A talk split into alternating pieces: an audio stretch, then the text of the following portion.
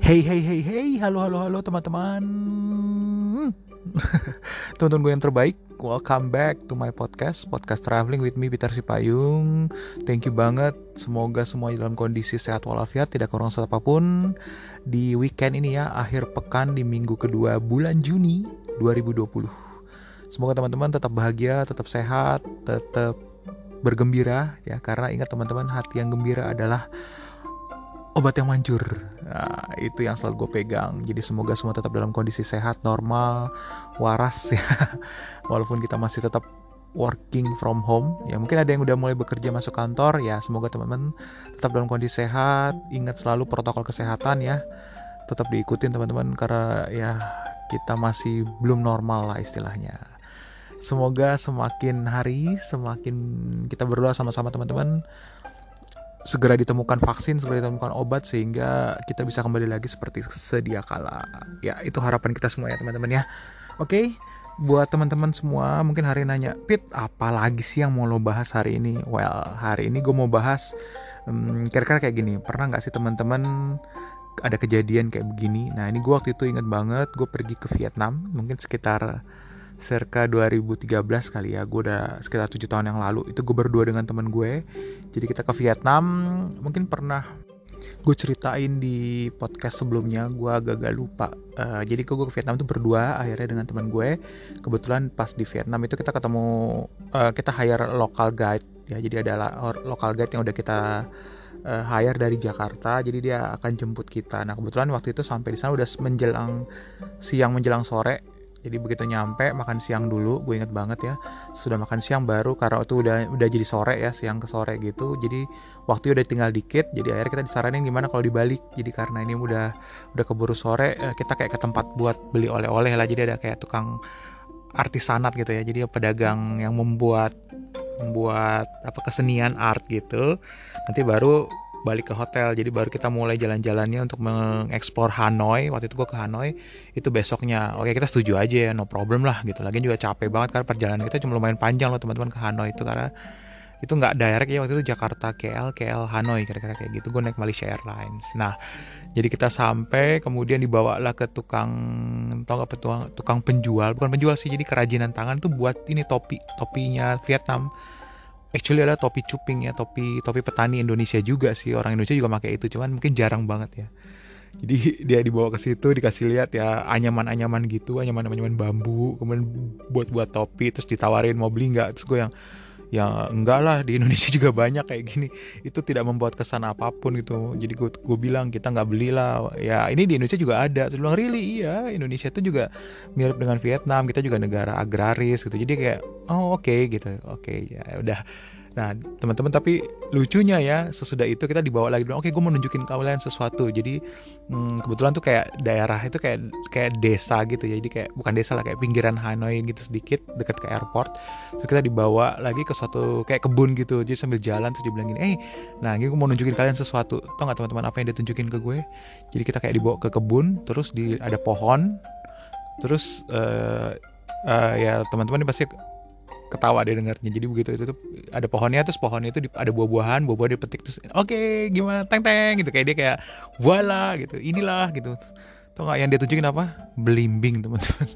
Terus gue sama teman gue yang ah oke. okay apa surprise-nya? Tuh dia bilang ya ini belimbing katanya. Jadi kalian tahu nggak ini uh, ini adalah buah buah lokal dia bilang gitu. Terus ya di Indonesia juga ada kita bilang gitu. Really? Dia bilang gitu. Iya bahkan depan rumah gue gue bilang gitu. Gue di rumah gue gue nanam belimbing. Lu cuman kebun gue di rumah gue bilang. Hah? Dia bilang gitu. Iya gue bilang kayak gitu uh, ya kayak gini mah normal gue bilang kayak gitu. Di Indonesia juga ada. Dia bilang oh biasanya saya bawa turis katanya memang jadi kayak mungkin protokolnya dia gitu ya kalau bawa turis tuh tunjukin si pohon ini gitu. Nanti orang pada wow begitu. Terus mau dicoba terus mau ditan uh, mau ini nggak? Mau makan nggak? Enggak gue bilang gitu. Kenapa? Ya belimbing kan kayaknya harus dicuci dulu. Udah gitu agak-agak sepet gitu ya. gue gak terlalu suka sebenarnya buah belimbing gitu teman-teman. Terus dia bilang oh oke okay, ya udah uh, terus Eh, teman gue juga bilang ya kita dari Indonesia lo name it apa pun buah di Indonesia tuh ada dia bilang kayak gitu. Oh gitu ya dia bilang. Iya even yang buah-buah musim dingin pun kalau di tempat kita yang dingin bisa bisa tumbuh gitu oh dia bilang e, jadi kayak berry dia bilang itu juga ada. Oh gitu dia dia bilang gitu. Oke terus nextnya dia bawa lagi ke jadi kan kebun ya teman-teman ada beberapa terus dia bilang jadi kalau ini berarti kamu kalian udah nggak aneh dong katanya gitu. Tau nggak apa? Pisang teman-teman. Ya jadi pohon pisang terus dia bilang ini pisang. Iya gue bilang kita nggak aneh. Gue bilang banyak pohon pisang di Indonesia gue bilang kayak gitu. Kita bakal jam macam-macam malah pisang kecil kita bilang ada yang gede ada yang besar ada yang kecil semuanya ada gue bilang gitu. Oke oke oke oke kata terus kita bilangin ya kita ya namanya juga kita kan negara tetangga gue bilang gitu kan satu wilayah sebenarnya jadi nggak terlalu aneh lah kalau kayak kayak gini. Oke oke oke dia bilang gitu. Jadi kita agak-agak ketawa sih itu agak aneh gitu teman-teman. Jadi ya ini jadi yang mau gue bahas hari ini adalah situasi di mana kita ditemuk apa kayak orang lah orang lokal atau orang luar yang menunjukkan kita sesuatu sebenarnya ada sesuatu yang mungkin luar biasa atau mungkin buat dia nanti wow ini bakal ngejutin ternyata zong teman-teman ya ternyata ya buat kita tuh bukan sesuatu yang aneh gitu bahkan mungkin sesuatu yang normal banget di kita nah menurut gue kejadian-kejadian gini teman-teman ternyata nih ternyata banyak terjadi berapa kali itu gue temukan adalah di daerah Indochina. Jadi teman-teman tahu Indochina itu adalah Vietnam, Laos, Kamboja ya. Jadi sebenarnya mereka tetangga kita tapi tetangga yang agak jauh gitu ya. Jadi kalau tetangga dekat mungkin Malaysia, Singapura gitu mereka Brunei mereka udah ngerti lah kayak kita gitu. Nggak mungkin kan tiba-tiba orang Malaysia, hey uh, kamu pernah lihat pohon jambu gitu? Nggak mungkin gitu. Mereka tahu pasti di Indonesia juga ada gitu. Nah, gua ngalamin juga teman-teman itu inget banget adalah di Laos. Jadi di Laos tuh gue pernah uh, yang gue ceritainnya kan gue juga juga sempat ikut uh, tour lokal gitu ya. Jadi tour lokal yang gue beli waktu gue sudah sampai di sana waktu itu gue ngunjungin ada gua yang gua Buddha yang terkenal lah gitu.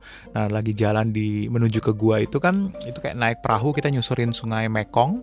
Kemudian eh, abis itu ke suatu tempat dari tempat itu kita kayak naik ke atas gitulah nah sambil naik itu ya sambil naik itu si kayak ada guide itu yang nyeritain gitu. Tiba-tiba yang ada pohon pisang sekali lagi pohon pisang. Terus dibilang oke okay, this is banana tree gitu. Orang yang wah gue yang oke. Okay. terus dia nanya e, ada tempat lo? Ya menurut ngana gue cuman kayak hmm, ada gitu. Nah itu jadi memang mungkin entah mereka yang mungkin kurang pengetahuan juga ya gitu tentang tentang negara kita bahwa kita sebenarnya tetangga gitu loh. Ya which is harusnya ya mirip-mirip aja gitu. Apa yang tumbuh di tempat lo pasti tumbuh juga di tempat gue gitu. Ya mungkin uh, mungkin agak kurang pengetahuan juga ya kali soal itu. Jadi kejadian kayak gitu gitu teman-teman. Jadi ya pohon-pohonan buah gitu ya. Mungkin buat orang asing ya bule mungkin aneh. Atau mereka belum pernah lihat ya. Tapi kalau buat kita ya gue aja sendiri nanam gitu di rumah gue nah kayak gitu teman-teman. Nah jadi ya itu yang mau gue bahas kali ini. Nah apakah semuanya berhubungan dengan buah aja? Enggak juga teman-teman. Nah yang paling sering juga ini kejadiannya bahkan berapa kali di tempat-tempat lain termasuk di Eropa. Bahkan yang terbaru lah ya itu di Butan gue juga itu sering banget pada saat makan ya teman-teman. Kita tuh sering ditanya e, ini spicy loh gitu. Atau suka diinfoin ini spicy loh gitu. Ya so what? gitu. Ini pedes loh gitu. Emang kenapa? gitu kalau pedes. Nah teman-teman jadi mungkin kalau gue sih ngeliatnya mungkin dari sisi positif ya. Jadi orang-orang tuh biasanya mau ngasih tahu kita bisa. Jadi uh, ini ini agak pedas hati-hati mungkin gitu ya. Jadi supaya jangan ini jadi mubazir nanti terbuang atau kalau kita ambil banyak-banyak jadi nggak kemakan. Nah mungkin kayak gitu gitu. Atau malah mungkin jadi sakit sakit perut gitu ya atau ya macam-macam lah gitu. Nah itu mungkin poinnya uh, dari orang-orang itu. Tapi di satu sisi kan agak-agak aneh gitu ngomongin ke kita which is orang Indonesia adalah orang yang entahlah gue bisa bilang 90% pasti suka pedes gitu. Karena kita udah terbiasa dengan makanan pedes gitu. Apalagi mungkin untuk teman-teman yang berdarah padang atau kayak gue ada half Manado gitu yang ya kita udah terbiasa banget dengan makanan-makanan pedas gitu. Jadi udah bukan sesuatu yang aneh gitu teman-teman. Jadi yang ya yang terakhir yang kayak gue bilang di Butan itu mereka ada makanan makanan nasional mereka kan chili cheese ya atau keju pedas ya. Nah itu juga selalu diingetin tuh sama guide gue atau dari orang yang punya restorannya biasanya oke okay, di sini agak spicy ya ini spicy. gitu. Terus kita oke oke oke oke. Okay. ya actually ya nggak apa-apa gitu. Buat kita malah enak justru itu malah kita suka gitu karena kita menemukan rasa pedas yang lain gitu. Bukan hanya yang murni cabe tapi ini kan ada campuran dengan keju. Nah kayak gitu teman-teman. Jadi di Butan gue inget juga gue pernah di Dubrovnik ya di Kroasia juga gitu jadi gue pernah makan siang gitu. Mungkin gue pernah uh, posting fotonya juga di Instagram deh kalau nggak salah tuh ya. Jadi ada ibu-ibu ya pakai baju pink jadi restorannya tuh pink-pink gitu. Terus dia nyediain makanan gue lupa makanan apa yang gue pesen waktu itu kalau nggak salah kayak makanan laut gitulah. Terus dia dia ngasih tau ini spicy loh. Justru gue beli itu karena ada ada spicy-nya gitu tulisan spicy gitu. Ini spicy oke okay, no problem gue bilang gitu. Dan begitu datang yes tidak spicy ya buat gue sih gak pedes gitu ya. Atau ya gue inget waktu kemarin juga di stand stand itu juga berapa kali pernah oke okay, ini makanan nanti agak pedes. Ya nggak apa-apa memang kita mau yang pedes gitu. Begitu datang juga oh pedes kayak begini. Mari kita ngeluarin lagi uh, bubuk cabe gitu. Gitu bubuk cabai atau saus tom apa saus sambal kita keluarin lagi karena memang ya kurang pedas gitu buat kita sebenarnya. Jadi ya itulah teman-teman. Jadi memang kadang-kadang suka eh, ini a little bit spicy. Ya so what gitu. Even uh, great bit of spicy juga nggak apa-apa gitu karena hello we are Indonesians gitu. Jadi ya mungkin itu persepsi yang agak sedikit salah dikiranya bahwa orang Indonesia tidak kuat pedas gitu teman-teman. Terus apa lagi? Hmm, ya yang ini ada sedikit juga yang aneh tapi ini gue inget catatan gue yang dulu ya teman-teman. Jadi maksudnya waktu gue kuliah gue pernah lo disamperin dulu ada temen ditanya Indonesia ada gedung nggak ada gedung tinggi nggak? Ya tapi mungkin teman-teman ingat ya itu kejadian sekitar 18 tahun yang lalu which is ya ya 18 tahun lalu kan belum kayak sekarang gitu di mana sosial media udah begitu berkembang gitu. Jadi mungkin ya zaman dulu orang mungkin nggak banyak informasi nggak banyak dengar tentang Indonesia. Jadi ya mungkin dikira kita sangat primitif ya jadi agak-agak gitu. Kalau sekarang gue yakin sih udah nggak pernah gue nggak pernah ditanya misalnya eh Indonesia uh, you have building? Ya enggak lah.